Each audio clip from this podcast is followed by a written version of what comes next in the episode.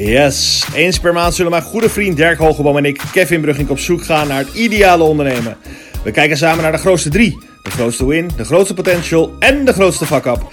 Daarbij interviewen we per aflevering een spraakmakende ondernemer over zijn of haar drijfveren, uitdagingen, actualiteit en zijn of haar visie op het allerbelangrijkste, het ideale ondernemen. Ga er even lekker een uurtje voor zitten, loop een rondje of stap op de fiets, want we gaan beginnen!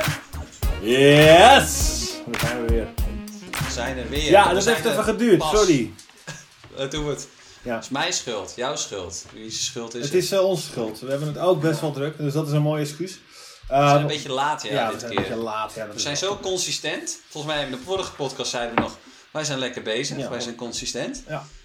Nou, dat was ook Ah. meteen eh, de introductie om het vervolgens niet meer op te pakken. Dus dat eh, was eh, ook weer inderdaad Ja, fijn. joh, dan moet je gewoon helemaal, ik hou daar ook niet van, weet je wel. Dan moet je gewoon doorbreken, zulke trends. Ja, klopt. En ik had het er ook nog over dat ik zo'n soort van marathon wilde houden. Nou, er is ook nog helemaal niks van gekomen. Maar we ja, het komt er echt aan. Het komt er echt aan. Ik heb wel wat leuke Ja. ideeën die hier en daar. Ik schrijf ze ook echt op in mijn Evernote. Die overigens een update heeft gehad.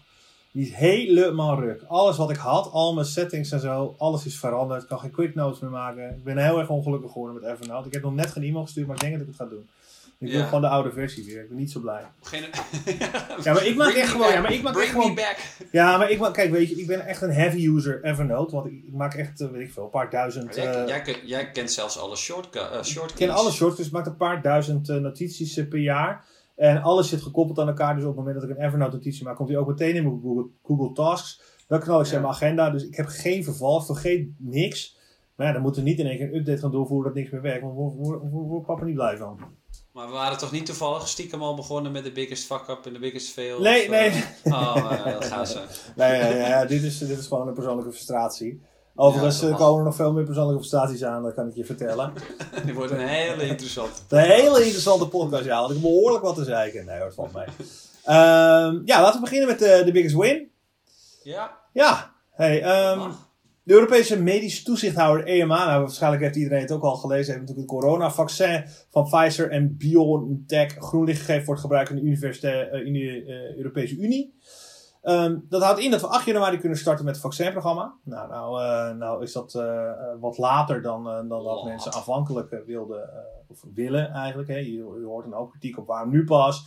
En in Engeland zijn ze natuurlijk al aan het, aan het vaccineren, et cetera, et cetera. Het zal wel.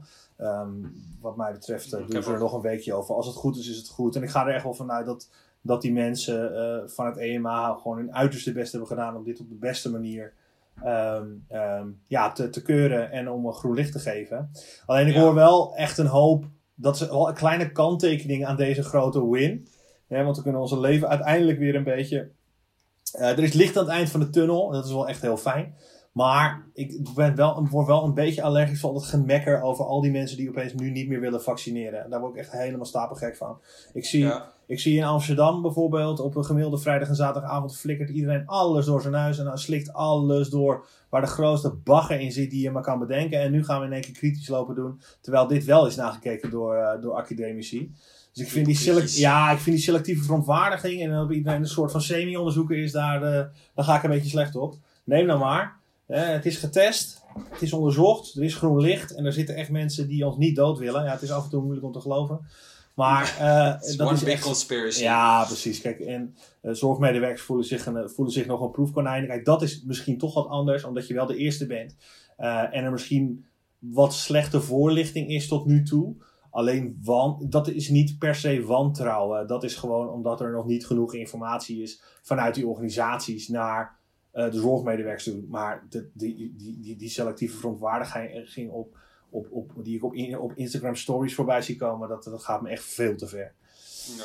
Dus, eh, maar Nou, goed, dan, eh, mogen, dan mogen die mensen als laatst, dan doen we net als eigenlijk in, eh, in Vietnam, wat jij mij vertelde. Dat je zegt, of was jij dat niet? Dat ze gewoon een kamp hebben voor mensen die corona hadden. En daarmee konden ze het heel makkelijk eh, op één plek houden. Ja. Concentreren Ja, eigenlijk. En als je dan gezond was, mocht je eruit. En eh, nou, dan was het heel snel onder controle. En dan doen we dat andersom. Voor de mensen die niet vaccineren, die moeten dan in kamp blijven.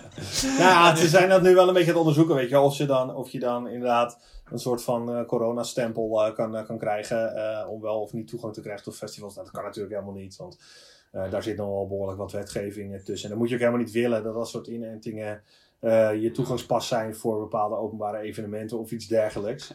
Krijg je ook weer een soort van uh, uh, ondergrondse zijn stempel. Uh, Underground. Of nee, hoe zeg je? Underground scene voor. ja, ja, nou ja, inderdaad. Ja, of, illegale of, paspoorten. Ja, inderdaad. Ja, handel in, in vaccindocumenten. Ja, ik, ja. ja. dat weet ik niet. Maar ja, goed. In ieder geval een big win voor iedereen voor de hele, voor de hele wereld. want we kunnen eindelijk gaan vaccineren. En hopelijk zijn we binnenkort in ieder geval richting de zomer weer vrij om uh, te gaan en staan uh, waar we willen. en met Kunnen wie we, we weer ja. lekker pizza eten en een wijntje drinken op het terras? Ja, zeker.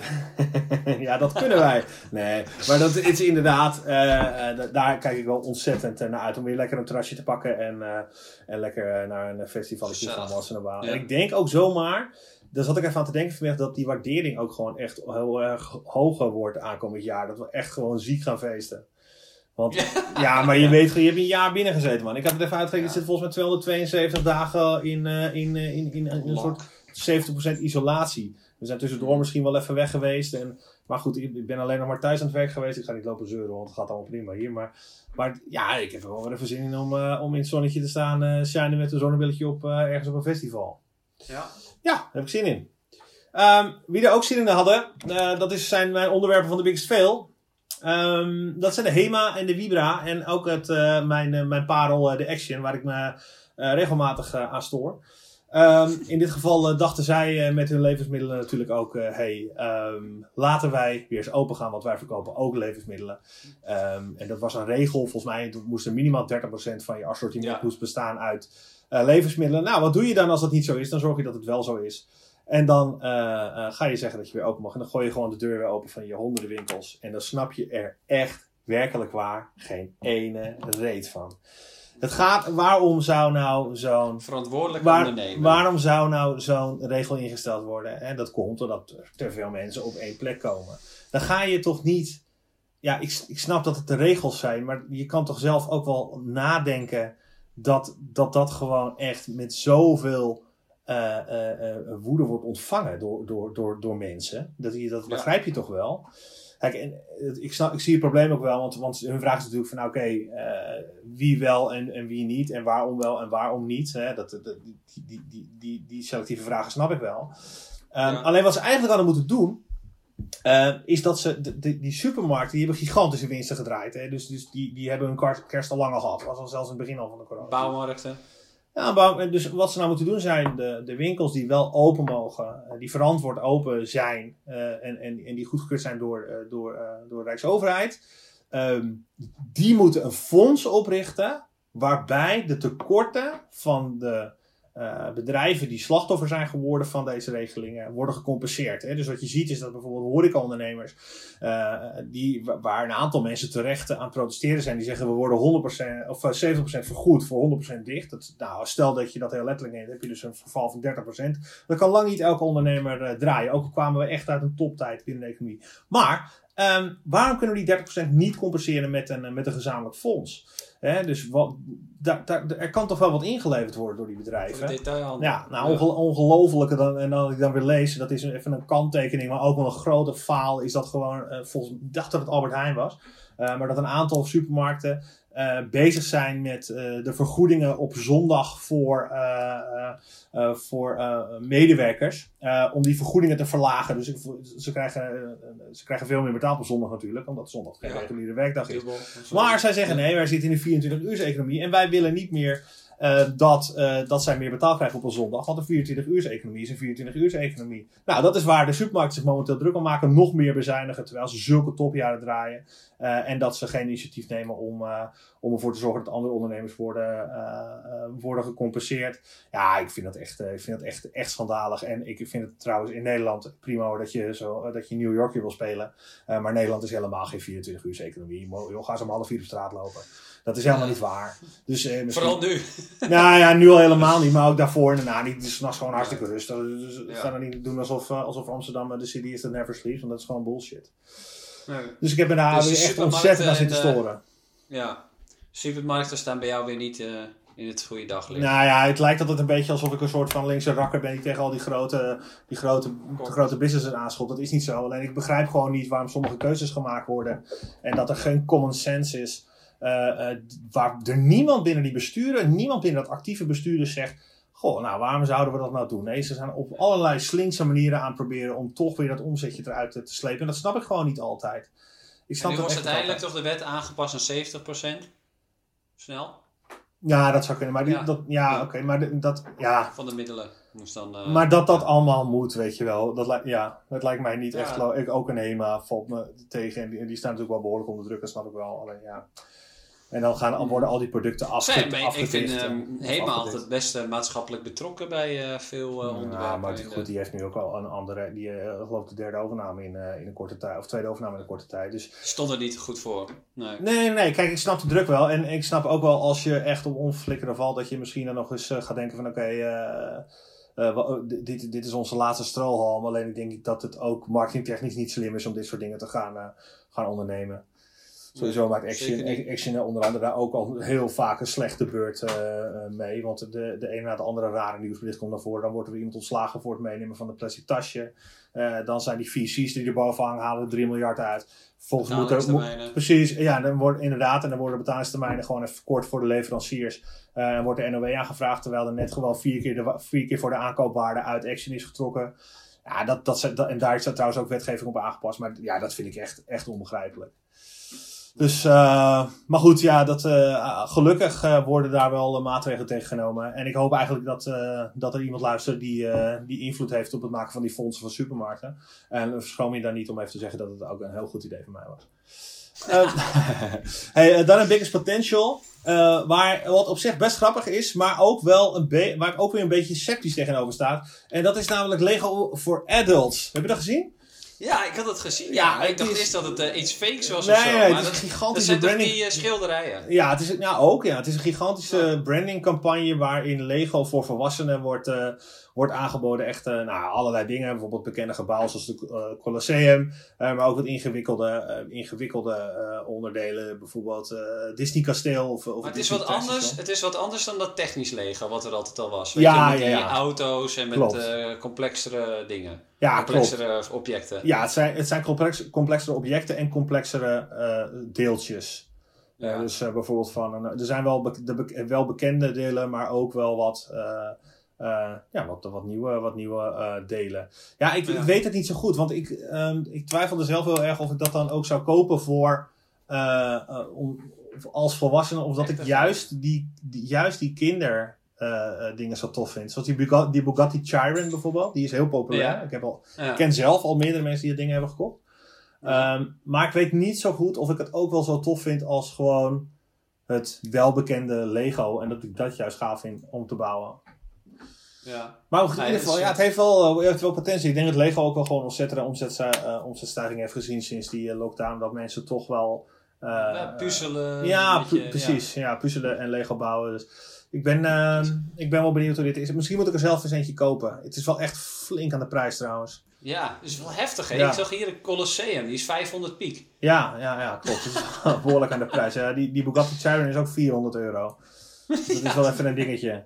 Maar ik, eh, ik, ik, ik, ik, Collectors items. ja, hoor ik, was, ik zit even te kijken of die niet op ware groot is. ja, Lego is sowieso al behoorlijk duur.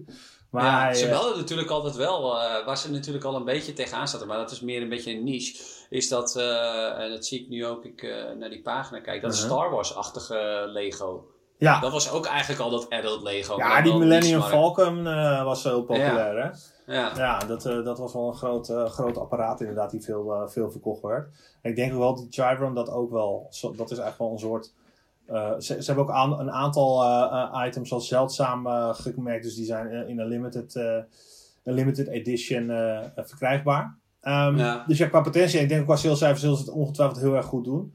Ehm, maar ik weet niet of het wel leuk, ik weet niet of ik het tof genoeg vind in plaats van de Lego die ik ken uit mijn jeugd. En of, het dat, of ik dat nog liever zou kopen dan bijvoorbeeld een ingewikkeld, eh, ingewikkelde Iron Man helm om, eh, om na te maken. Nice. Ja, dus dat. Tof. Over ingewikkeld gesproken. Ingewikkeld. eh, de ingewikkelde keuken.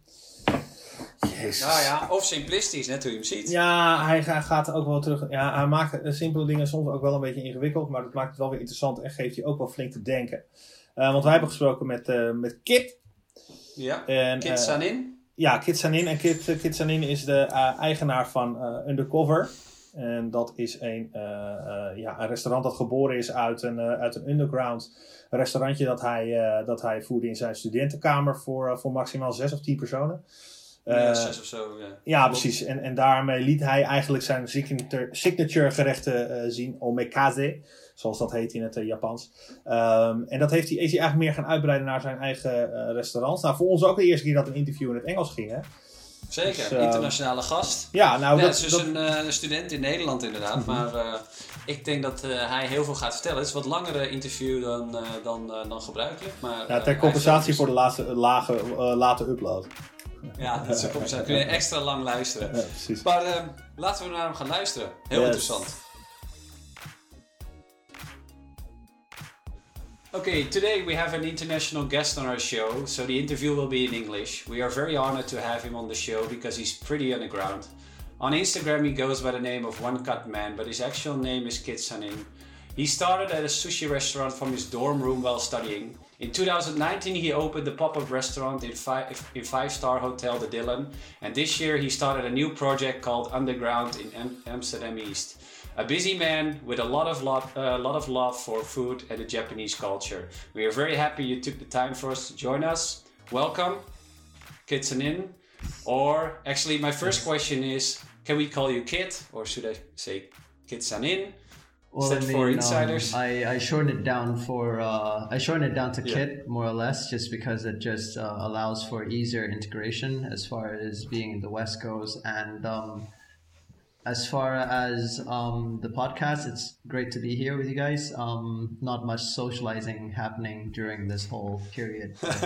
yeah, this this kind of counts at this point. Um, apart from that, also just to say, uh, basically my story is quite underground. The restaurant itself is named uh, Undercover. So it's just one of those things that uh, that that gets sort of uh, I, I've had people sort of um, confusing the name Underground for the actual restaurant. Ah for, for a bit too.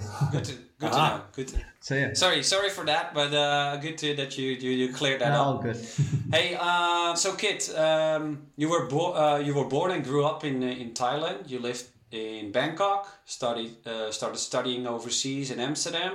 Uh, please tell us a bit more about about that, about your background, what you do, why you yeah, as far as my um, background pertaining to business, um, I've had an interesting one where I grew up um, 300 kilometers away from Bangkok for the first few years of my life, the formative years.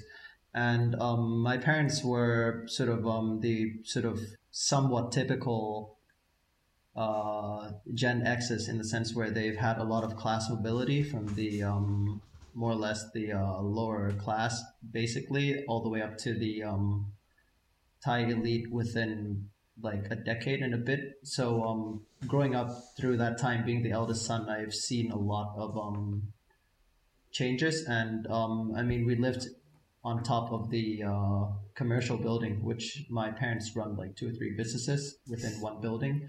So I've always had a very weird perspective with business in the sense where I always uh, I've always seen it as very very dry.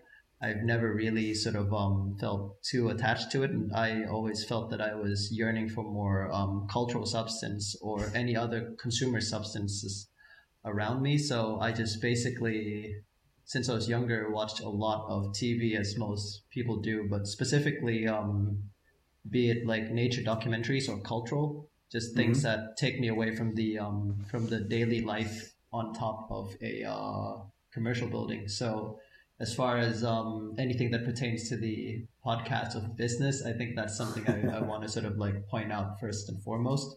Yeah, then um, when I was about like 11, I think, went to Bangkok for an international school. So that more or less explains my uh, English. Just that's um that's that's quite a uh, culture shock in some ways, both um, culturally and um, economically. Suddenly, you're um, going from a class where you're friends with um, basically children of uh, janitors, street vendors, very representative Thai working class. Suddenly, um, you're sort of walking into school. You see every kind of luxury cars out there, every sort of um, collector's item just every single day. That was quite a sort of um, quite a cultural sort of uh, experience Shock. just to sort of like yeah have that. Then um, basically decided to come to Amsterdam for university. Before this, I was quite focused in science and math, but that's mostly because you're more or less too young to know if you like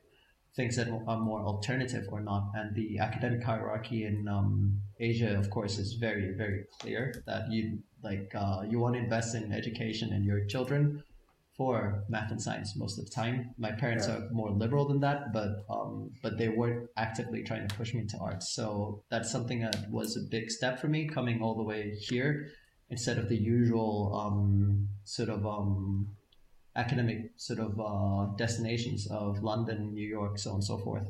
Mhm. So came here with not much of a plan. Just thought I'd spend my um, sort of uh, bachelor's university bachelor's degree experience as any person normally would, but in a way that's less of a uh, cultural bubble that international schools and elite universities usually are. So I ended up with um, Amsterdam University College, which is in Science Park, middle of nowhere, Amsterdam. Yeah. Um, yeah, it's like as middle of nowhere as Amsterdam gets in many ways. I think culturally speaking, definitely.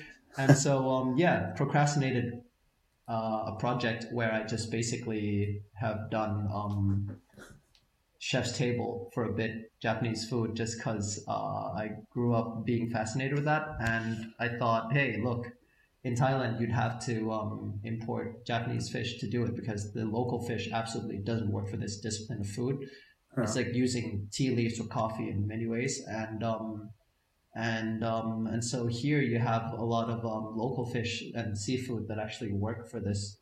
So I thought might as well try my hands on it, and before I know it, it snowballed out of control. I Yeah. somehow so uh, graduated in 2018. That was like Wow. a miraculous a miraculous thesis I, I pulled off, but. Uh, but yeah, it's uh, university life was something I look back. It's something I look back to a lot nowadays too, because um, as far as undercover goes, and as far as my identity as a um, as a person in the food industry, I'm pretty much always going to be um, somewhat defined by the absurd origin of of all this, which is basically an illegal sort of uh, six persons sort of a spot in a dorm bedroom, basically. Yeah. Crazy. Okay, that's a that's a whole story. Thanks for that, and uh, it clears up a lot of things for us. Um, I was as I was wondering because you said you grew up you grew up with the with the uh, the love for, for let's say food and Japanese food, but I wanted to ask like where where did that where did that love for food start for you?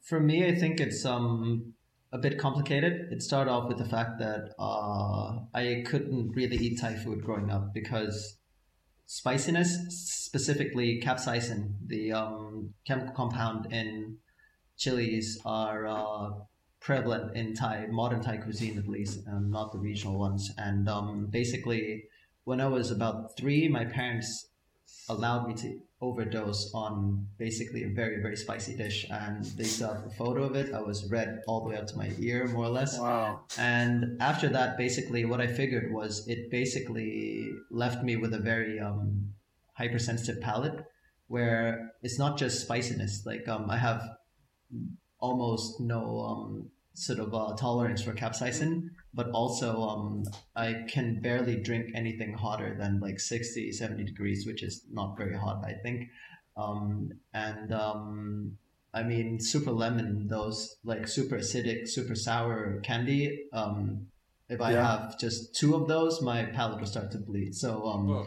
Wow. basically naturally I gra- I gravitated towards Japanese food, which is much friendlier to the palate than the sort of um the Thai kitchen, and um and I think just not being able to access food as easily as others um got me to be more critical about it, more fixated about how food works Mhm. on some level, um, and how inherently different foods of different cultures are. So um, that plus the Japanese um, industrial sort of cultural industrial complex in Thailand, is just um, people talk about how dominant American media is in Europe, and it is. But growing up in Thailand, basically post bubble era Japan, um, Japanese content, be it all forms of um, comic books, animation, documentaries, absolutely everything, music, entertainment, TV shows is extremely, extremely popular in. Thailand. A very consumerist, a very, very consumerist society. So it's inescapable, basically. Also, just something to paint a picture of for you and the audience. The, uh, the statistics of restaurants per 50,000 um, persons in a city in Amsterdam is basically around 50. I think it's grown a bit beyond that over the past three years. There's a boom. But um, Bangkok has a uh, unregulated market. So the number there is about 1,300 restaurants per 50,000 persons, like basically over 20 times that of here. And um, you could go into like the socioeconomic inequality in the countries that allow labor to be that cheap and ingredients to be that cheap. Um, but same thing also um, happens in Japan, where the number is also like over a thousand, I think, um, for very different um, socioeconomic reasons. Mhm. But yeah, that's basically in terms of food being very prevalent and um, basically one every four restaurants in many corners of Bangkok is Japanese food in Thailand. Um, Thailand's one of the uh, countries that have basically little to no um, bad history with Japan throughout its entire history, which is something people would know is rare among uh, Asian countries. So, um, so I think that has to do with it as well. Oh, that's interesting. Hey, but um, uh, I don't know. I hope I pronounce it right because I've heard you saying it in the in in an interview. So uh, I think um, why and, and is that the omakase? Uh, maybe my pronunciation is not co- completely correct, but where did that where did that Mine neither. where did that where did that start? Because is, are the are these uh, also like is that a famous way to let's say uh, to serve sushi in Thailand as well? You're saying a lot of Japanese. Uh, Not necessarily. At the moment, it has become that, but the popularity of the omakase. First of all, omakase isn't sort of um anything more than a Japanese word for a chef's menu, basically.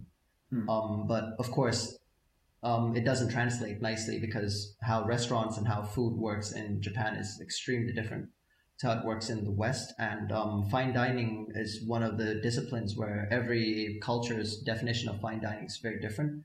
So with um, omakase, it literally translates to, to leaving the leaving your trust and choice with the chef or somebody you're addressing. So this is a word that you'll see outside of the food context as well, and outside of the sushi context. But for all intents and purposes, people often know the word omakase from the sushi context specifically Okay.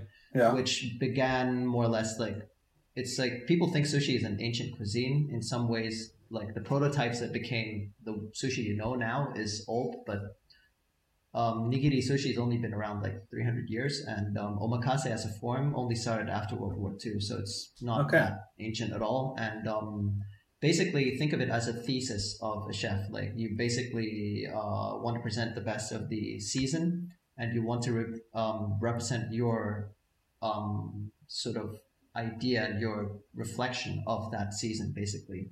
And Yeah. this form has really become more global after the release of um, Jiro Dreams of Sushi 2009, I think.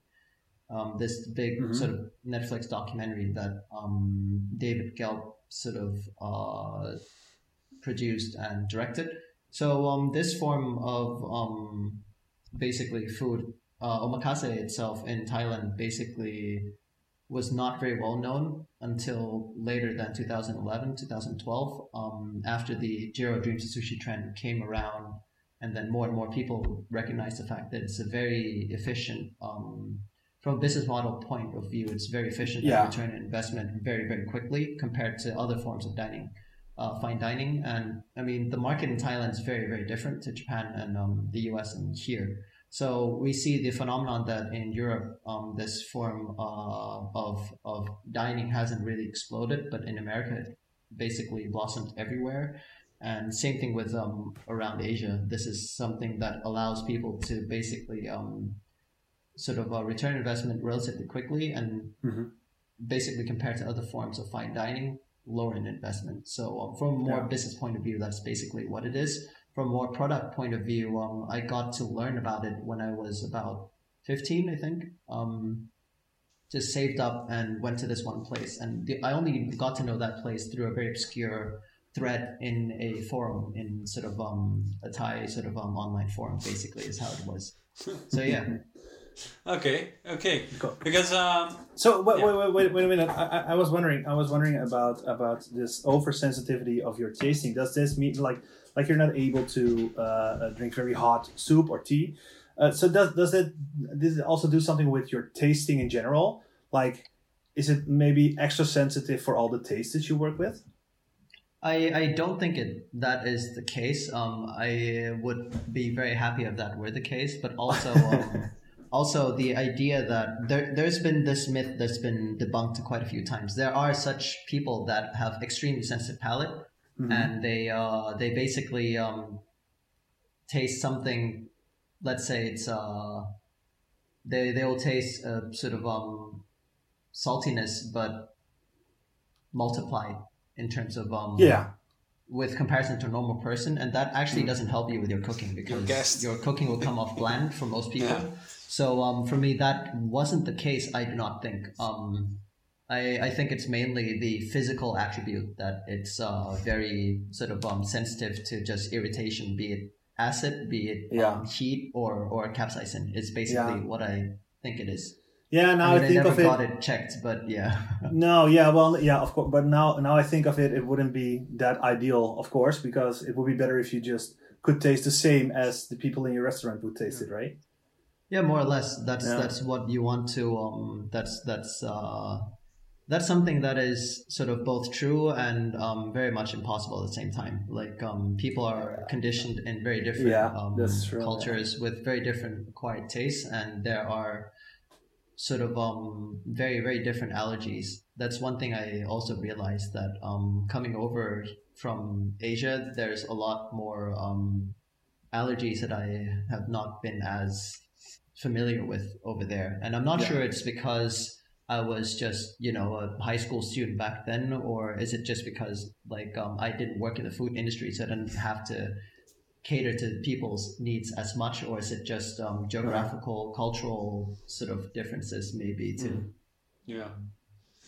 Okay. And um, uh, from the uh, omakase to uh, to actually your uh, your third restaurant already, because you opened your third restaurant uh, undercover recently, uh, within a couple of years. I think you started somewhere in 2018 in your dorm or earlier, maybe. Um, the timeline is basically 2015. I came here for a uh, to start my first year in Amsterdam Uni- University College, and um, I basically started sort of um, the six spot thing in my bedroom November, I think, 2015. Um, a lot of publications came out in 2018, like January, February, because I've been holding out beforehand because I wasn't sure if it's legal or um, did I get in trouble course. or just me Uh, not feeling like or just me not feeling like I was sort of uh, I, I don't necessarily want to be associated with the whatever image comes out yet at that time but I think um, at some point um, sort of being involved in sort of articles or news Mhm. stories and journalism in some ways just something I've thought was interesting because I mean, I was studying media on, on many levels. Um, well, not many levels, but but in many ways, I was studying media. so so it's it's kind of interesting to be involved, and so I basically opened up to it in 2018. 2018, towards the end of it, was when the Dylan um, pop up started, and it ran all the way until more or less March this year. But um, there were big breaks in between. So um, it was very much a pop up um, and um, Undercover basically opened more or less mid September this year. Uh-huh. Yeah. So yeah, How are things? Because how are things going now for undercover at the moment? at the moment, um, I mean, I got to see a lot of strategies in Bangkok before I uh, before I actually finally opened in Undercover because lockdowns and the effects of Corona basically happened first in Asia just for a bit, and um, Yeah. you could sort of kind of learn a lot from it, and also because I didn't open during the first lockdown, like I kind of opened all the way in um, September. So I got to see how a lot of people dealt with the situation, and Bangkok's very different to here. So um, with or without Corona, you're always the market's always saturated. You're always having to find your voice within it. So people have to more or less find very quick ways to um, make their brand very clear and understandable. And that might become mono-dimensional at some point. Like it, it might become one-dimensional the way you want to capture your concept be it the names be it the color the font or whatever. Here um, you have more room to be yourself but um, but at the same time like um, yeah the market's not sort of uh, saturated but at the same time without the pressure to to capture to completely condense everything that you're saying it's um it also doesn't sort of push you to be as competitive in some ways. So um, I got to see that, and what I also sort of um, realized is you always have to um, you cannot do the usual strategy of this is my restaurant, and if you don't like it, go somewhere else. Um, that doesn't really work in Bangkok, but specifically with the COVID thing, you basically almost have to come up with new menus or new developments every other yeah. week, more or less. Um, and one thing you realize is um, more than ever promotional materials and um, communication material because I don't want to think that I don't want I don't like seeing everything as a branding opportunity. Mm-hmm. I also see it as just simply communication, reaching out. So um, especially online, every single form and shape of it has to be you have to be on top of it which is yeah. you know um, you don't necessarily think that that's uh, what you're gonna open a restaurant to do yeah. to be sort of going through photo shoots thinking about communication, condensing text, so on and so forth, um, mm-hmm. and having to do that week in week out is not necessarily what you think you'd be in it for. But yeah.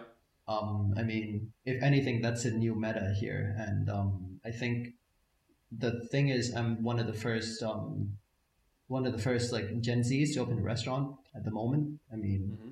and um, I think as more Gen Zs um, are involved in this industry, that's the direction where things are going to go as well. Restaurants will probably be less of a um, static, stable kind of concept, and it's more something that changes month by month, week by week. Yeah, it's not just the um, not just the fact that Corona made people sort of um, act in this way, but this is the way it's going anyways, and um, the pandemic's more just the catalyst for it. Yeah. So you think that it has something to do with the with the, the more and more short shortened focus of the Generation Z? Is that the expect I mean, more in terms and more? Of, yeah, in terms of um, instant gratification, there's definitely that too. In terms of information um, overload and people having short attention span, nobody yeah. wants to read essays. Everybody wants um, short five minute video essays, so on and so yeah. forth that's definitely um, where the world's going towards, I think. And um, in terms of the instant gratification, it's absolutely that. And coming from Bangkok, once again, I think it's just, I've seen like more or less where it's going to go because um, people are way more sort of um, consumerist, materialists um, in the more one dimensional kind of way than here. The pace of life is faster. Mm-hmm. Saturation of of, um, of of products and of sort of advertisement and options and everything is just much more accelerated over there. So um, I think yeah. the world's only going to move towards that direction, especially in big cities. Amsterdam being one of it. I mean, it's mm. a hmm. one million person city coming from a 16 million thing. It's it's not like the biggest, like a village. Definitely in, in European standards, like definitely definitely big. So um, and it's definitely has its global feel to it. So yeah, I think um, as it pertains to um, the particular context of these cities and the food industry, I think that's definitely where it's going for sure. Also, one thing I also wanted to say about that is um, people listening would probably know of the Michelin system, where you know your they rate your restaurants as very good or one, two, three Michelin stars, and mm-hmm. um, I think the um, the thing is it's a system that is very much created since like more or less two centuries ago, um, a century and a half ago, more or less. I can't remember the exact history of it. And the thing is, it likes restaurants to be clear sort of um, concepts that, from a conceptual point of view, it doesn't change too much over the year. Um, they might, they will like it if you change the menu quite a bit, but historically, they also didn't like that. They also want a la cartes where you're completely reliable. People go to yeah. you and you can always have that experience and it's very much what happens when um, a tire traveling company gets to decide fine dining on, on some level. That's that's basically what happens, right? Like you want your consumers to have a reliable product, and getting Michelin stars is getting awarded for your consistency and somewhat predictability. And of course, Yeah. they like to think that yeah, you you're going to an, a restaurant, a high end one, for an experience of a lifetime, sure, but there, there's a certain um, element of an unchanging nature about it, and so I think it's um, I think the world's moving away from that on on some level. There will always be a place for that for sure. It's not going to become irrelevant ever, but um, but yeah, I do think that uh, that in many levels, the next generations things are moving away from that. Yeah. Yeah, because Uh, probably, uh, may- may- maybe, maybe they'll they'll also see that development of the market and development of those generations, and that maybe they will bend a, bend a little bit with the generation, and maybe they yeah, maybe they say uh, later on, okay, let's change uh, let's change this concept when we talk about the tire uh, company. No, yeah, for sure. I mean, you know, maybe soon enough we don't have tires. Everyone has like hover, sort of like hovercrafts and that. But basically, um, uh, I mean, we've already seen how Michelin changes. For example, with the um, with the Michelin in Asia. Of course, Michelin's a French com- um, company, and the Yeah. especially the culinary side of it is very, very French based yeah, fine dining looks very different all over the world. Um, the way people think about Michelin is um, fine dining has to come in serialized uh, courses, one after the other. yeah, Whereas, let's say, um, the biggest country in the world, China, has an idea of fine dining as a table full of a lot of things. And yeah, Thai, Thai food is similar in this way too, But- in the sense where it's not serialized the way you But- have your courses. Many courses, but it's not necessarily serialized the way you eat it. So um, we've seen how Michelin tries to adapt to that and also adapt to um, right. sort yeah. of uh, street food. But the problem with that is with a lot of people who uh, grew up from that kind of culture. I mean, from a Westerner's point of view, I think um, it makes a lot of sense in the sense where, hey, like, you know, the message is simple food can be good, even Yeah. if it's at the street or not. From Exactly. a um, uh, from a more sort of um, local Asian point of view, it kind of feels weird that sort of um, something that's very personal to them is ha- Mm-hmm. having to be validated by a French tire company once again. and, and there's a sort of like there's some form of elitist sort of uh, post-colonial overtone overtones about it. So people are not too comfortable with that. But um, No, from see. a commercial point of view, from a purely commercial point of view, that has been the correct move for sure Yeah. for them. But is there something like uh, uh, an equivalent of uh, of the Michelin star in Asia? Probably there is then, right? Sorry. Is there an equ- equivalent of the uh, of that Michelin star in Asia? Something like an organization that's more, you know what I mean? Yoko, Yokohama, Yeah, yeah, um, Yokohama Star. Yokohama, yes. Uh, what's wait wait no Bridgestone Bridgestone Bridgestone, Um, if- yeah yeah if you're gonna go for that that's Bridgestone. No, but um I think Dunlop in UK also tried to do the same thing Michelin Oh, is has it? done for a bit. You're I'm not kidding. sure. I, I, I, I- I'm not sure, but Dunlop does a lot of things. Dunlop That would be that would be I great, mean, man. Tire, tire company. Badminton, tennis, rac- rackets, and even table tennis and everything. Yeah, yeah, no, yeah. but it yeah, is it's interesting. Yeah, I mean, it's it's It very, is interesting that you, you started about this uh, this topic because actually I know for a fact that you told in another interview that uh, and I don't know his name but I know that your his book was uh, on your shelf uh, quite uh, uh, how to say what's his name again the the the the, the, the Japanese uh, chef who had a restaurant in a metro station with the three star or two star uh, Jiro, yeah, yeah. so but he is one of your heroes right in a way Jiro, yeah. or your Um, let's say your I mean, teacher I, I think the sort of um, I think I don't have a particular hero, and um, I mean, I the way I um, go about my restaurant is very much very subversive of um, of how Japanese people would imagine omakase and fine dining should be. I mean, with undercover, I'm sort of um, standing around. We put on lo-fi most of the time um, or some form of 90s hip hop, and um, I'm dressed in mostly casual streetwear rather than anything that resembles what a chef is. And um, the decor is mostly concrete and pretty ruthless, sort of uh, somewhat minimal, but like quite uh, ruthless, quite a rough kind of um, Mhm.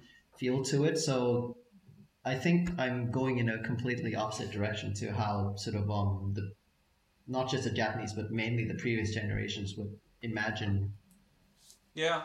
sort of fine culture, refined culture should be in many ways. So um so not necessarily I think um I think there's a lot that we could learn from a chef who's basically his defining sort of a period of his restaurant were like um Japan's like most uh, active years, like be it like 70s, 80s, all the way to now. So the one of the reasons why somebody should want to go to the um, Jiro's restaurant in Subway is not so much to believe in the propaganda that he's the true number one above all others kind of chef, because I think that's like a really simplistic way to view the the field. But um, if you do go to his place, you could see. Um, you could sort of uh, basically experience his ideas of excellence and what sort of like what this um, genre of food should taste like for somebody who's sort of um, basically been developing his food throughout those uh, eras where no one else comes even close in terms of tracking back those years. There are restaurants that have um, run for a few generations for sure, but um, nothing quite like Mm. this. So um, that would be the one reason to go to this place. But as far as like my own um, culinary identity, it's pretty different. And also just to get back to your previous uh, question about um, Asian rating systems, it's not as I think. I mean, Michelin came out in like the 1800s. I think I'm not sure. Like um, it came out pretty early and came out way before everyone else and had a lot of time to develop.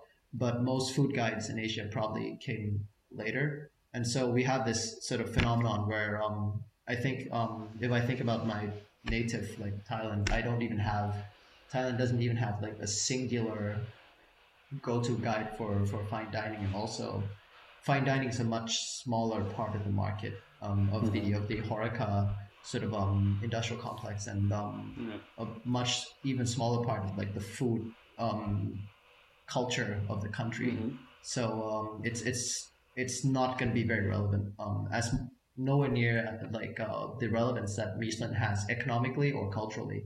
And as far as um, Japan goes, there's this thing called Tabelog, which is a rating system where you go up to like 5.00, which is perfect.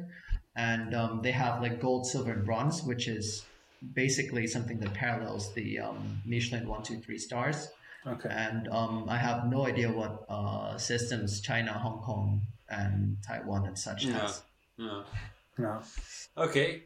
Hey, wait. As um, while we're at that, um, my question is actually also uh, uh, one of my questions is that why do you want to make uh, omakase more known and accessible in the Netherlands? Actually. Um, I'm not sure if I necessarily make want to make it more known and accessible. I mean, I'm definitely um, there's definitely cultural barriers that I want to sort of um, address, and um, there's definitely a lot of stereotypes and um, sort of um, uh, basically um, monolithic ideas of what Japanese culture is should be that I want to address. But um, yeah, I mean, if I think about it, I'm going about it very much. I'm not led by uh, a kind of thought where okay, here's um, an outsider from a cultural point of view. Like most consumers can be outsiders to this market. How do I want to address that? Uh, nearly as much as I basically just want to just continue from where I am with this Yeah. um, with this uh, genre. But um, as far as why do I choose to sort of basically open the restaurant here? For me, it's mostly to do with um, the fact that the experience in the dorm was a very much once in a lifetime absurdist journey. And that was part of the reason why I named the restaurant, um, well, not the restaurant, the illegal six spot chef's table in the dorm, uh, ephemeral because basically it's just it just means something that happens and just never comes back there's a very sort of like uh elusiveness like um there's a very Yeah. elusive quality to Yeah. it so um so the thing is with undercover is just more or less to bring that journey to its conclusion on some level Okay. And in terms of um what i see happening from now there's also the possibilities of pursuing these projects in other countries, um, I've always wanted to um, go back to Bangkok and really live there again. And if there's other countries, other cities, particularly outside of Bangkok, that I'd also want to live in, or you know, it's um, it's very much the sort of um, the generation where you're probably going to be based off two, or three different cities, possibly. Yeah. Um, if that's the case, the other cities I've thought about were like Taipei, which I think Taiwan is basically um, Asia's best kept secret on, on so many levels. And there's always Tokyo, like to go back to the right Yeah. at the epicenter would be kind of cool to if I could sort of start a project there too. And there's always something that I'd never want to accept as much as like New York, where every like, you know, nobody wants to sort of like say that yeah, I, I like New York, but you're always kind of drawn to it on some level, and um, Yeah. Uh, Yeah. being like a third, being like a third culture kind of person, like yeah. New York's always interesting. So I think I'm my scope is not so much that I want to do this and just stick with the Amsterdam base Mhm. for a sort of um, extended period of time. I'm not too sure. I might want to sort of um, either expand or change bases to other cities. But yeah, what whatever it is, as far as um, the first step, it had to be Amsterdam to basically um, bring the whole absurd journey to, to its like um, natural conclusion. And yeah, I think there's a certain freedom in in being in Amsterdam in the sense where I can more or less have no pressure from Mhm. The already conditioned expectations of what Japanese culture or what omakase should be, which is very present in Bangkok and um, Yeah. well Tokyo more than any place, but even like New York. If you um, say the word omakase, people already have a lot of preconceived, um, conditioned notions about what should and shouldn't be. Yeah. And here, like, there's a luxury of being the first one, and you can Yeah. sort of um, get away with um, drastically changing the concept every other month if you'd want Yeah. to. I think.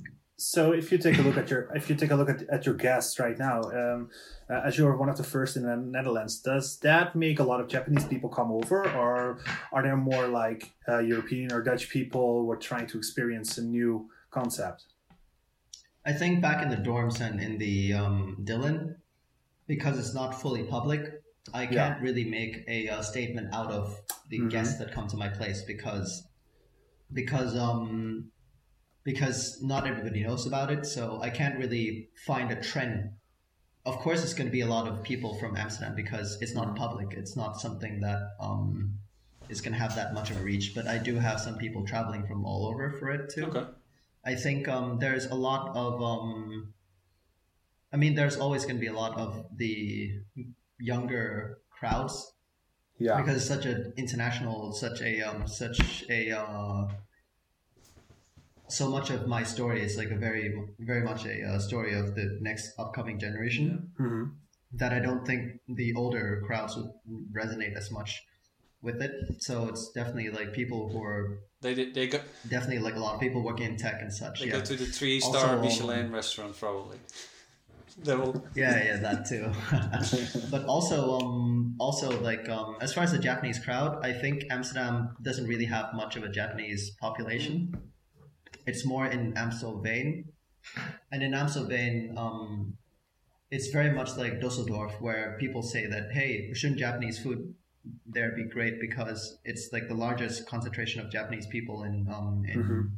population in, in Europe, but it's nothing close to Paris because there's a culture for food and Japanese food there, Ah. regardless of how many Japanese people are actually living there. So um so I think that's the same thing with like um Amstelveen where there's lots of good restaurants Japanese in um Amstelveen, but it's more to cater towards people who are of the working culture hmm rather than people Yeah. who came all the way here because they want to Yeah. eat. Like um, that would be like the Japanese crowd in in Paris on some level compared to like um, the one in Amstelveen. Mhm. So as far as the Japanese crowd, I don't really get that many of them, but every once in a while they'll be interested. Just I think in the story alone that there's this Thai inexperienced chef, film student coming all the way here to do this deeply, deeply uh, Tokyo thing because yeah, yeah. One thing that people also should know is that sushi is not technically like Japanese Japanese food. It's technically very very Tokyo food. Okay. Um, it's not born out of the general Japanese kitchen, like not that canon. That's mostly um, many kinds of cooked food, home foods, um, kaiseki itself, so on and so forth. But disciplines like like uh, like sushi, tempura, yakitori, and such is very deeply Tokyo. Okay. So not not like um, if you go around Japan, not everyone will identify with sushi as like oh this is like a deeply Japanese thing. Like they'll identify it um, as a deeply Tokyo thing. So um, so that's the other part of it too. That not that that sort of um, when a Japanese person looks at it, it's like this outsider has gotten into like something that's very very much like for the Tokyo insider, like Yeah. especially if you drop the word Edomae, like the sort of edo sort of um specialization of of um of sushi in both cultural and culinary context. It's a very um it's it's a very sort of um it's a very insider's kind of term, and so it's I think I think that creates a lot of um curiosity and questions from them as well. Mhm. Interesting, yeah. Hey, the um, um, then uh, the corona, the corona crisis hit almost all the, the restaurant owners. Hard time, actually, I would say, not uh, even in not only in the Netherlands. Oh yeah, for sure. And uh, how this how did this impact your company? So, um, from a business point of view, I think um, being a smaller restaurant definitely helps. If you're a restaurant that needs a lot of traffic, there's not much you can do. Because um, even if you have a massive restaurant, massive um, front in a great location, right now people are ordering through the apps, and um, Yeah. so there's nothing to guarantee that you're going to get sort of like mentioned at the top of the list, and therefore people will be ordering from you more.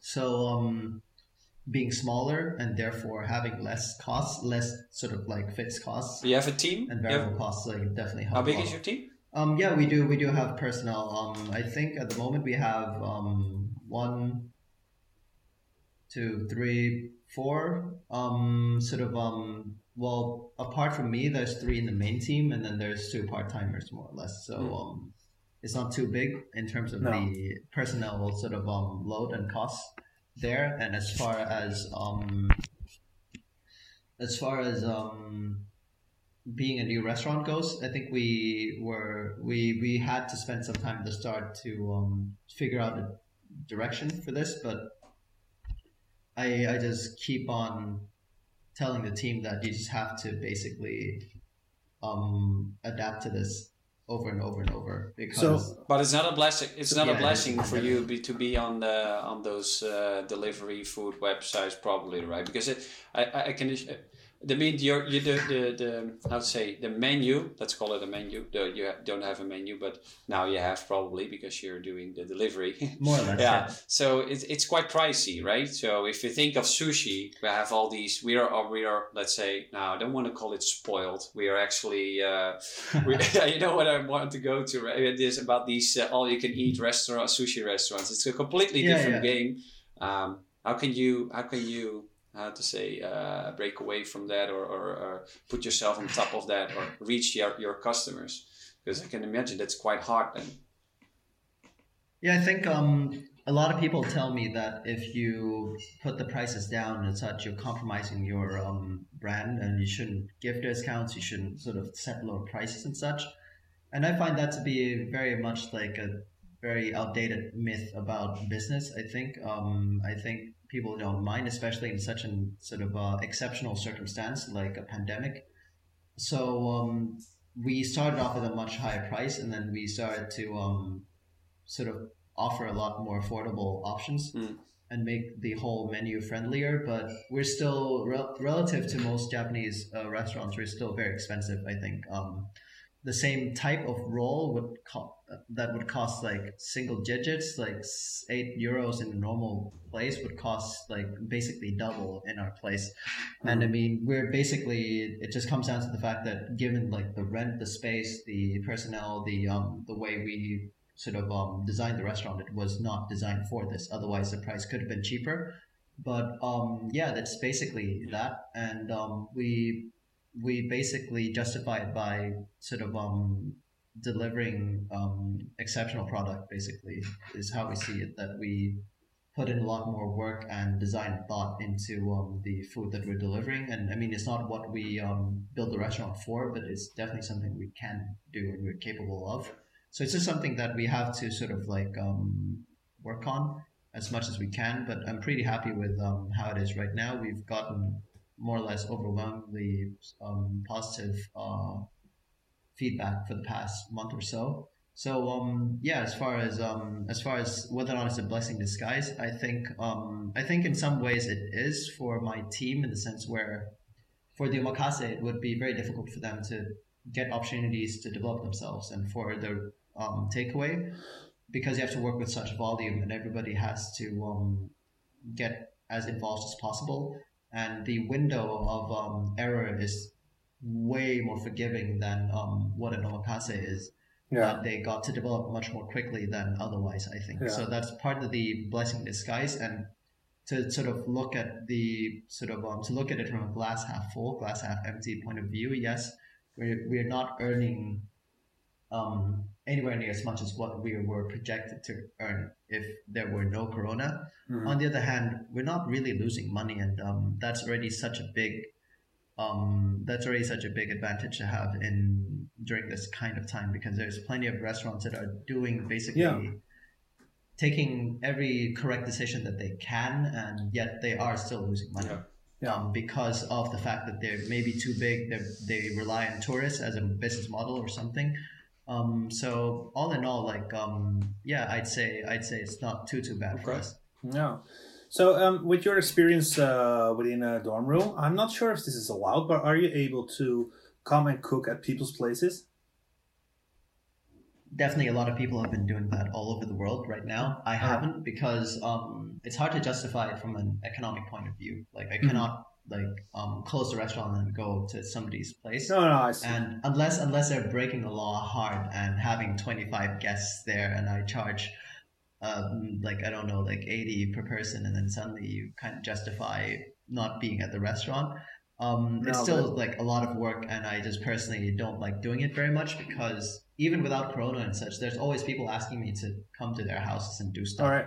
only problem is this kind of cuisine like kind of needs you to be here and um, the food is very sensitive um, it becomes flat after like a minute or so so that's why we have a bar setting at the restaurant and not Yeah. a table setting already so um, to take that all the way to other people's place you have to you have to sort of bring so much equipment and everything that Mhm. I just feel that it's never really worth it anyway. So with or without the corona, that wouldn't have made much of a difference. I just never really say yes. Um, I mean, the only time I've ever done like a uh, Oh, an event Yeah. outside was when one of my closer friends was like, "Hey, um, sort of um, basically need this thing because someone close to them passed away, and, and it's like it's a Nur- nurturing- nurture- That's- that's nurturing food. time that that's happened. Nurturing, nurturing food.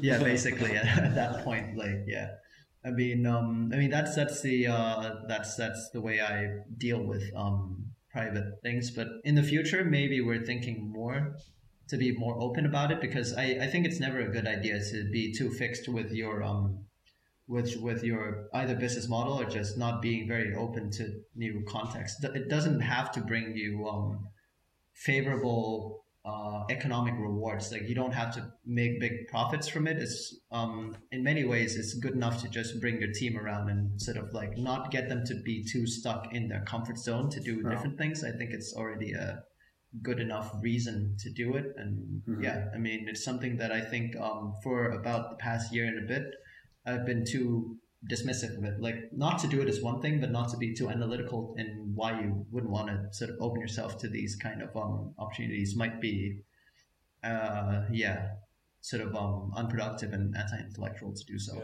Yeah. Hey, because um, uh, Kit, are there any things you would have done differently if there would be a new crisis? Let's say we get out of this, but next year or two years later. Um, I mean, let's see. Um, I think um, as far as pandemics go, um, well, first in terms of crises, I mean, like I'm, I'm not gonna speculate that a war is gonna break out like a different kind of um of of uh vaccine war of, of crisis but but basically I think um I think it depends on whether or not the um, government manages the crisis any differently than the way they did they've been very slow to um enforce face masks to sort of like um because I think the Netherlands was quite lucky to have low numbers for a while and um, for, for a long stretch after the first um, Yeah. first Yeah. lockdown, whereas neighboring countries weren't sort of um, enjoying the same kind of uh, privilege. And because of that, they saw it as justification for not doing very much. Like they had this whole thing where, hey, we're not going to wear a mask because democracy. Um, I, I Liberalism. still remembered that. we, So, we, kn- um, we know, we know. yeah, there- there's, there's there was that which um, we're paying the price for Yeah. right now, basically. Well, they're Yeah. they're paying paying the price um, if they they have to pay for the subsidies and the grants and sort of aid Mhm. for businesses. Then they they hopefully they learn from that. So that's like number one. Number two, if um, if there is another pandemic at some point, I think just the mindset of flexibility and having to capitalize um, off of your situation, whichever way you can, um, is is good enough. I think um, because crises never last forever. I mean, recessions don't sort of like last forever. There's always a cycle to it. Be it like relatively relatively inorganic recessions such as this one, or otherwise. I think um, I think that um, I think that if you do well in it, that's one thing. If you do want to completely capitalize off of it and want to, um, let's say you really want to make the crisis into an opportunity, in this case, something that um, restaurants have done pretty well as well. Some restaurants act first and like streamline the whole thing, such as like Reichs. They they um, they basically streamlined their uh, their um, takeaway before way before everybody else. So suddenly they Yeah. have like 50 delivery drivers queuing up in front of the restaurant, which kind of breaks uh, COVID protocol like during the first uh, pandemic. well, for per- the first lockdown, with the second lockdown, every restaurant's a takeaway service. Um, the business, the market becomes a perfect competition yeah in many ways that they're never nobody ever dreamt of this so um so with this kind of thing you just have to push with as much new concepts new menus new development um as being as vocal and clear as possible with your communication so on and so forth coming up with like new promotional material always help but um yeah if you really want to capitalize i think um you hopefully like let's say there's a next um crisis coming out and for a while, um, offices don't have to close with the lockdown. Offices can keep running.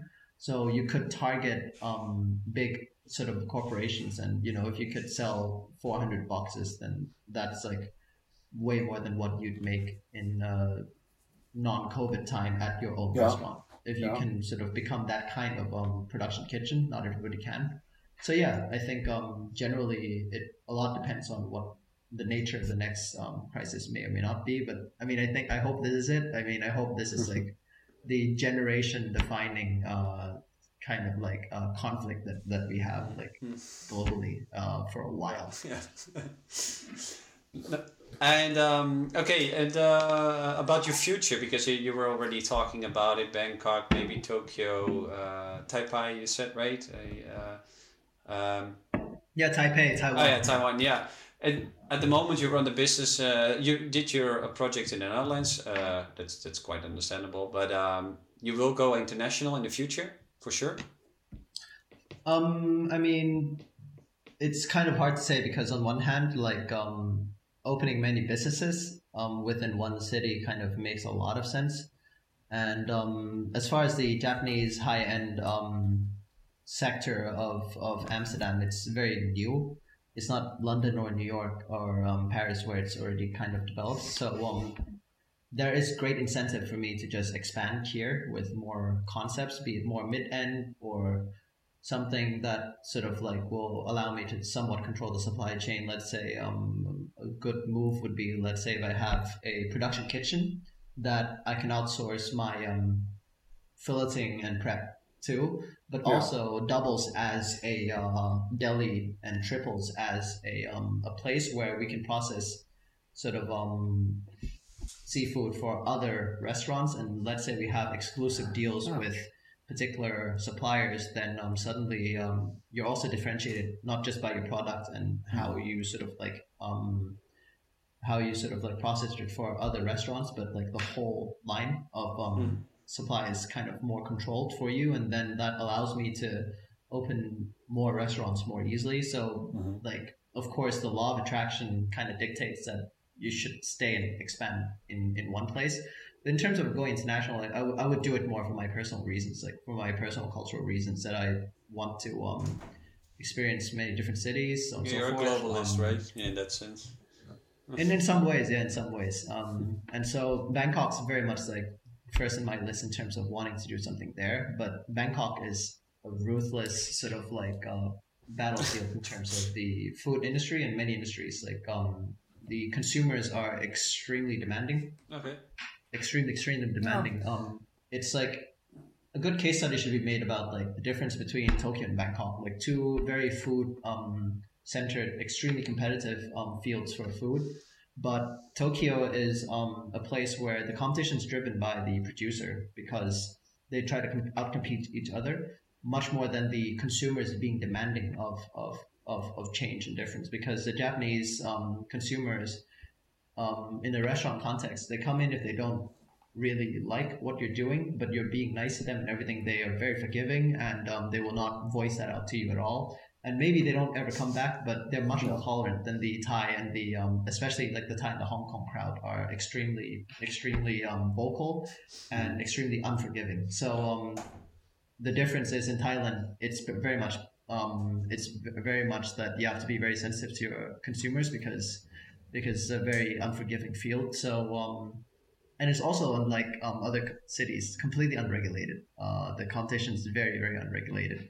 You enjoy like um, lower rent, lower labor costs, lower taxes than here, but but the competition is literally multiple times higher on a numerical Yeah. scale. So um, it's it's it's pretty difficult to handle that on, on some level. So there's that.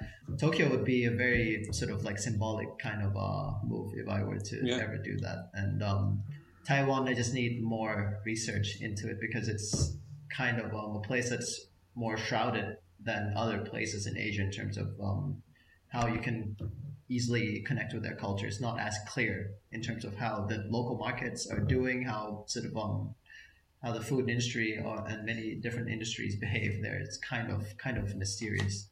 Yeah, because if you take it, if you take a look from a, a business perspective, um, uh, as you mentioned earlier, that uh, part of your success also is uh, because uh, Omakase is, is is fairly new to a new concept uh, to the Netherlands slash Amsterdam.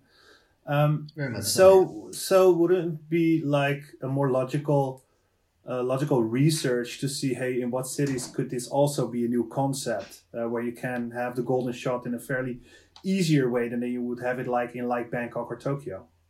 Oh yeah, for sure. The only problem is um, on some level, like you do earn money with business, but especially with omakase, it's something that's a lot of restaurants are very much like team games, and um, Mhm. you you work together as a sort of um, collaborative team, and omakase is very much like um, an individual sport. Sure, like let's say um, if you compare it to like let's say tennis, um, uh, sure it's you're like um, Federer is competing in a sort of singular sport, but his Uh-huh. team is more or less um, like a whole bunch of nutritionists, sports psychologists, stringers, equipment specialists, so on and so forth. So there is a team component to it, but at the end of the day, it becomes a very much like an individualist uh, game, and omakase is definitely that compared to a lot of um, compared to a lot of forms of cooking. And that has to do with how like sushi works much more like coffee and tea like specialist crafts rather than mixology which most foods work like. And i can go on all day about that analysis but, uh, but basically um but basically so that's why i have to also think about which cities i want to sort of like live my years in because um you you do business and you do earn money but one one thing you definitely spend especially this one is um is uh is is your time in in so many ways more than professional. So um so that's that's that would be the reason why I would not necessarily want to just um jump into the next cities where it's not as uh not not as developed because on some level like you're drawn to this um, kind of craft and it's so closely related to Tokyo and there's few cities in the world that has a sort of like developed infrastructure for you Mm-hmm. to get better produce, better ingredients to deal with it. That you kind of want to head towards the more competitive um, fields in some ways. Yeah. Yeah, So there isn't like a, let's say, like a omakase, um, a, a, scalable business concept where you can say, all right, this is, uh, these are our fundament. This is our fundamental uh, philosophy, uh, uh, where you have your team building around their own identity, uh, around this this philosophy that you created by with your team. Is that something that would be uh, interesting, or is this something that is way too far from the essence of omakase? Which kind of um, scalable philosophy again? If I could. Um, No, uh, what I meant, what I meant, it. yeah, what I meant is that you you, you said that um, uh, it's it's kind of um, how do you say it's it's like a signature, right? So you're you're you're making a piece of art based on your findings on uh, on uh, cultural philosophy, right? In in some ways, in some ways, um, for me, um, in terms of um, wanting to scale it, I think it works if your team becomes their. Um, I mean, it's kind of hard because the game's very individualistic, and um, people who work with you end up Mhm. becoming better assistants to you rather than becoming their independent agent in terms of Yeah. how they think about food and such.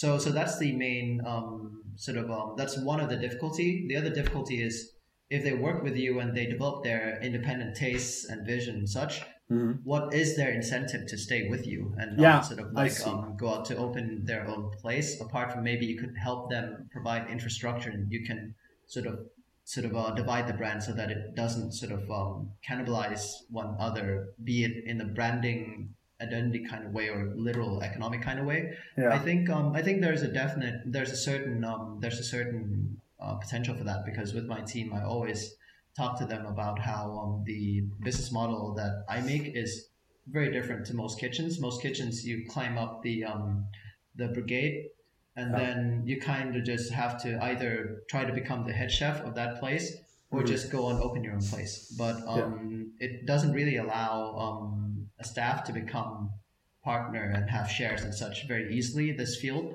So um so yeah it's it's it's not a very rewarding kind of field. Um so with my um restaurant what I tell people is um with my staff and with my recruits is like hey look um most people that join me are people who are an outsider to all this in the first place. They're not really like people who've gone through hotel schools and chef schools.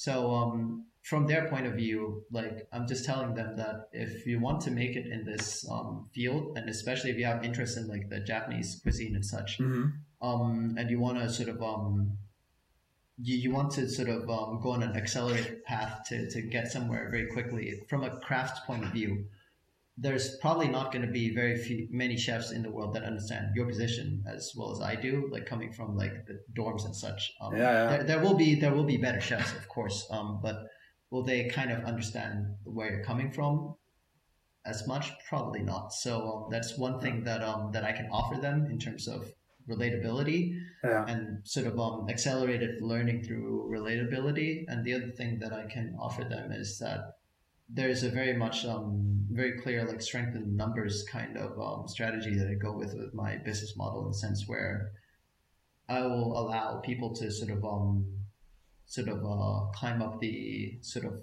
the the sort of corporate ladder, so to speak yeah, yeah. relatively quickly. And when I open my next um, projects, um, I'd be pretty willing to um, to sort of give shares and such to, Yeah, and um, if- let to, them to- evolve. to, the team, and just to sort of like um, to to build your team up because one thing that the usual kitchen hierarchy doesn't take into account is that you sort of build staff up and they see it as a cost and not so much as um, investment or they don't see staff as assets as much i think Mhm.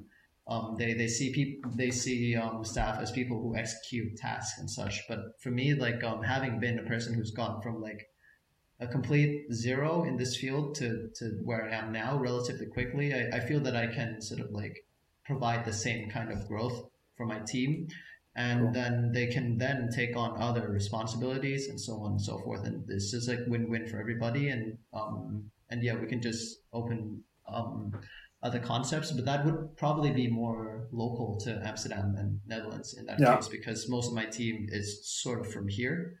So yeah, there there is also that too Cool. in terms of scalability. Hey, um, yeah, I actually also wanted to, to ask you because uh, we started this uh, this show with uh, one uh, one question in mind, or actually we're trying we're we're seeking to find an answer to that one main question, but actually you answered it a bit already. I, if, if from what I feel. Uh, but the question is, well, the question is, is uh, what's the most ideal way for uh, uh, of running your business uh, for you? But I think you explained it already a bit, but maybe you can give a, an extended. Yeah, just to sort of explicate Yeah. it further for me. Um, for me, I, uh, coming from Thailand, it's it's a pretty classist uh, society, whether or not they like to admit it or not. Um, people like to have this myth that um, there's the business owner and then there's the employees, and that somehow you're not cut from the same cloth or you don't operate the same way, you don't have the same mindsets. And I feel like um, that might be a product of the whole sort of socioeconomic system in Thailand and the inequality that makes people think like that too. But I feel that yeah, um, sort of um, whether or not the restaurant does really really well or becomes kind of mediocre can depend a lot on um, whether or not your staff can be more than people who just execute tasks. And the more they can um, develop themselves um, the more that uh, that that we can achieve very complex things. I think. Um, so I don't think it. I don't think of my business in terms of having to uh, having to produce output in, in quantity and numbers. And Yeah. People like to say quality, but for me, it's not so much as quality as much as like how unique the product is and the meaning behind the product. And um, and you can only deliver sort of a concept with dense meanings and dense complexities if your whole team is operating at the level that, that you feel that that would allow for it. So that is why um, for me, the way I run my business in that case is I kind of um,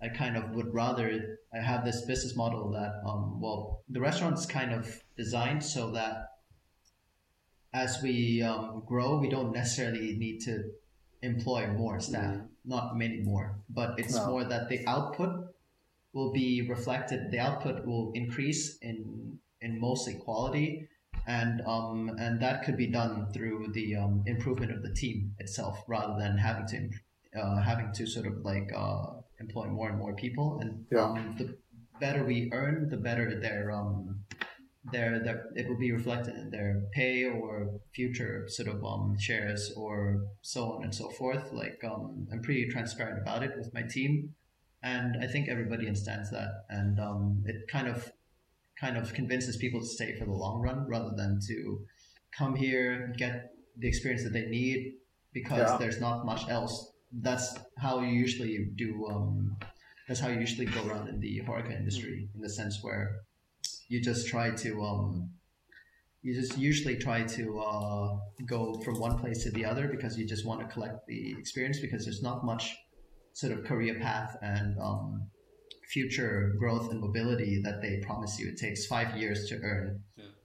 Very, very little more and, and such. So um, I think I'm building towards something very different. And um, other creative uh, outlets too that may or may not be monetized.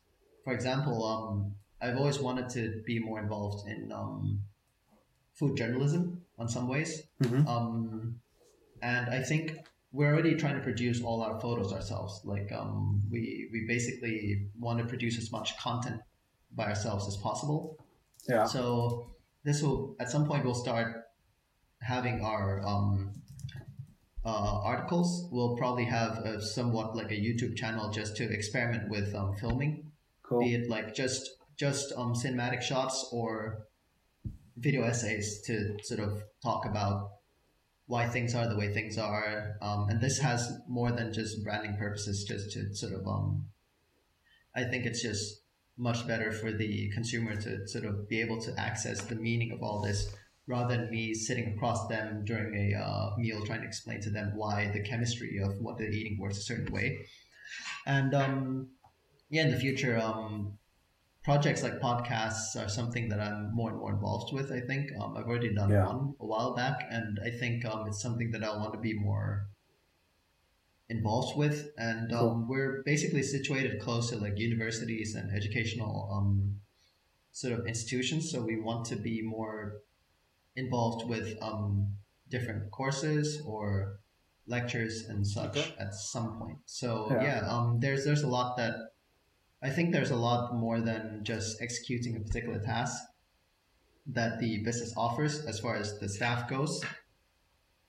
So I mean that's that's how I do it because for me um, with my restaurant, most of the time uh, a restaurant a kitchen is seen as this kind of prison where basically uh, you come in and you go out and that's your whole day. You don't have any other input Yeah. apart from No. doing your work. Yeah. And I mean, I'm installing a TV in my um, kitchen to put on documentaries and such. The way I interact with my staff, I try to sort of like, um, sort of, um, I try to sort of basically engineer things that people would otherwise quote unquote miss out on Uh-huh. during um, Yeah. during a uh, working in the Shift. kitchen, be Yeah. like okay, you you want to sort of you want to be yourself. I basically have like um, no real uniform code in the restaurant. People wear whatever they want. Um, Yeah. You sort of uh, you feel like you're missing out on culture and stuff. Here's a uh, sort of TV that's always gonna put on like um, documentaries and such. You feel Yeah. that being in the kitchen, you're missing out on cultural, intellectual things. Um, here, like I'm gonna be more involved with like um, educational institutions, um, articles, podcasts, so on and so forth. You could Cool. like if you work with me, you could also be a part of all this too. So Yeah. Yeah. yeah, I think um, I think the restaurant is much more than just a very.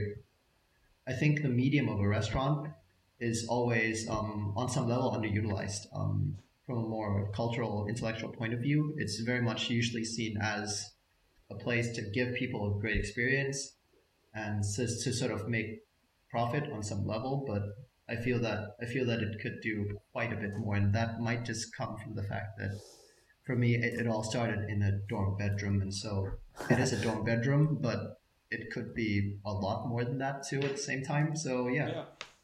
So so so this this small video bits that you're about to uh, share about uh, the products in your uh, and your dishes um, are those are those inspired as you mentioned earlier on on Chef's Table? Can we expect uh, Vivaldi coming up uh, in, uh, in on your videos?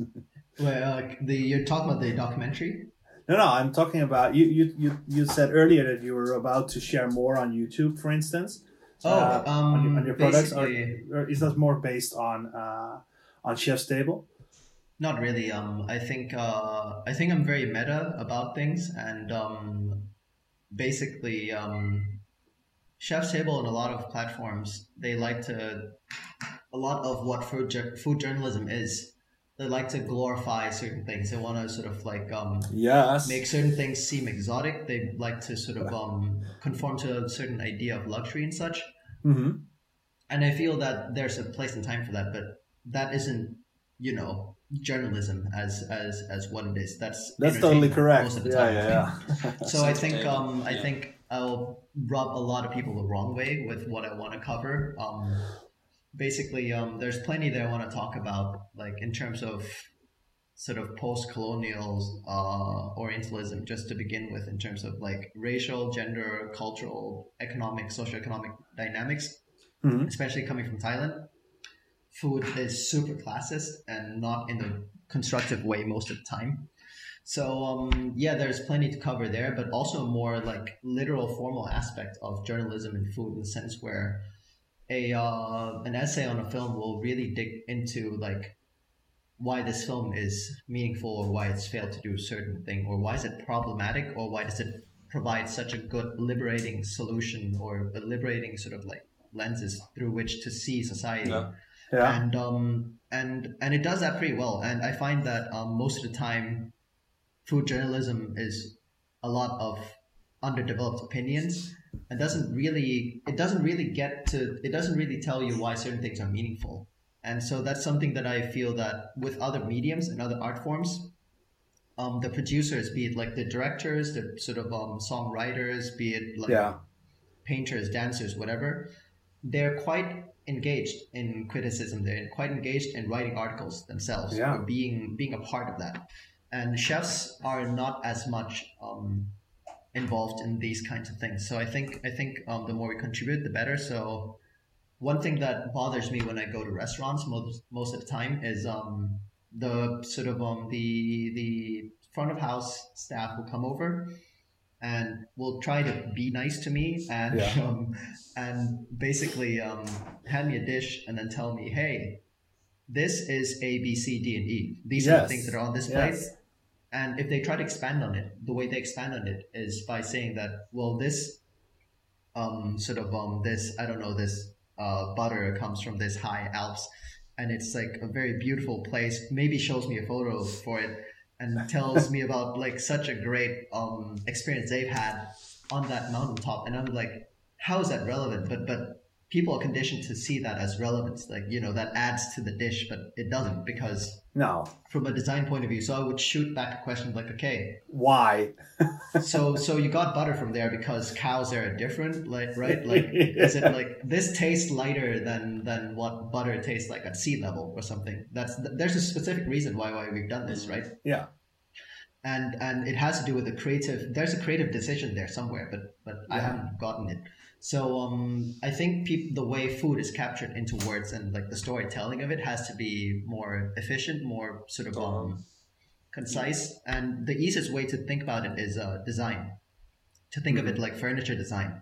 These this piece of product, um, this work, there's five. Um, there's let's say there's five uh, key points. There's five key decisions that were made so that it became this end product. And um, Exactly. and these are the five decisions, and this is the reason why we're taking those decisions. Like um, Mhm. is is how I want to see it, but nobody really, um, especially with food service, you just end up listing whatever you're doing, Yeah, but, that's but true. not really sort of like get into that. And I think um, I think it has to do with the divide between the producing end of this art form, the divide between that to the um, journalist reporting sort of uh, side of it, and um, with every other art form, it's much closer. It's much yeah, much that's true. Yeah, it's true. Yeah.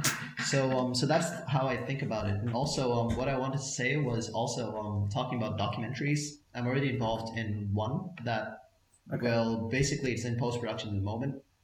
The team that does it is called Human Humans, and they've already released two books, I think, and this is going to be their first um, sort of um, documentary.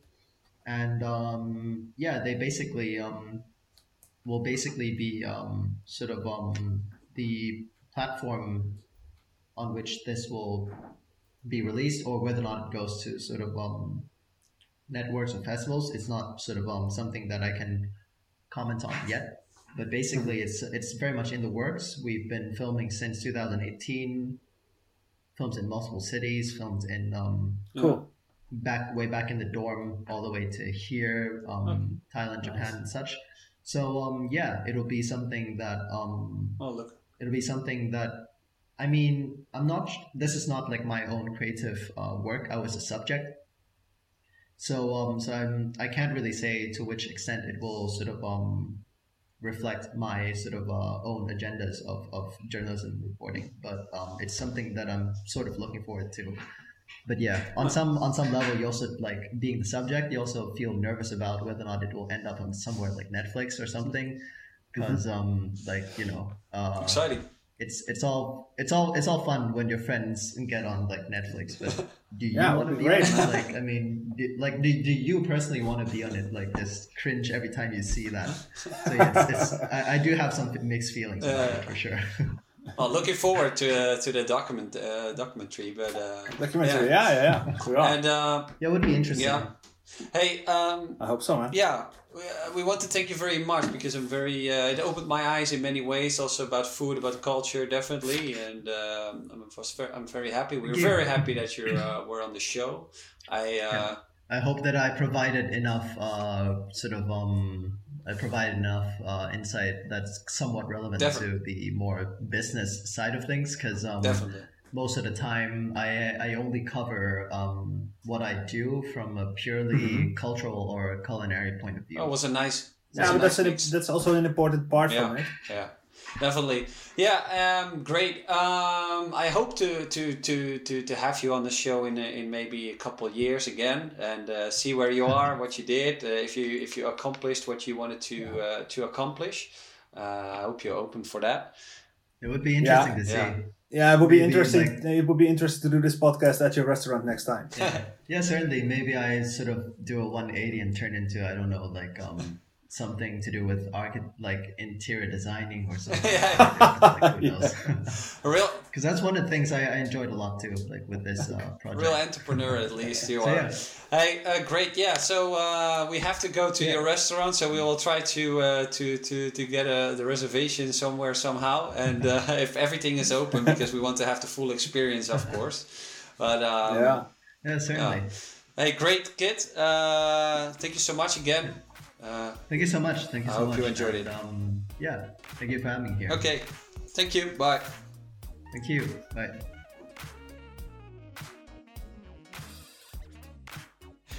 Zo, dat was Kit. Dat was Kit. Long story short. Very long story short, ja, inderdaad. Dat is mooi. Ik vond het heel erg tof. En voor- vooral zijn benadering van. ehm, ja, dat hij vertelt van. Eh, eh, eh, je het kwaliteit, ja, je ligt. kwaliteit en kwantiteit. En daar zit, daar zit echt nog heel veel tussen. En dat is wel iets waar je snel.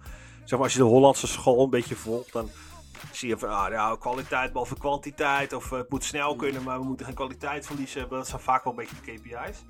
Ehm, Terwijl hij wel zegt van ja, maar er zitten nog wel een aantal dingen tussen eh, kwaliteit en kwantiteit.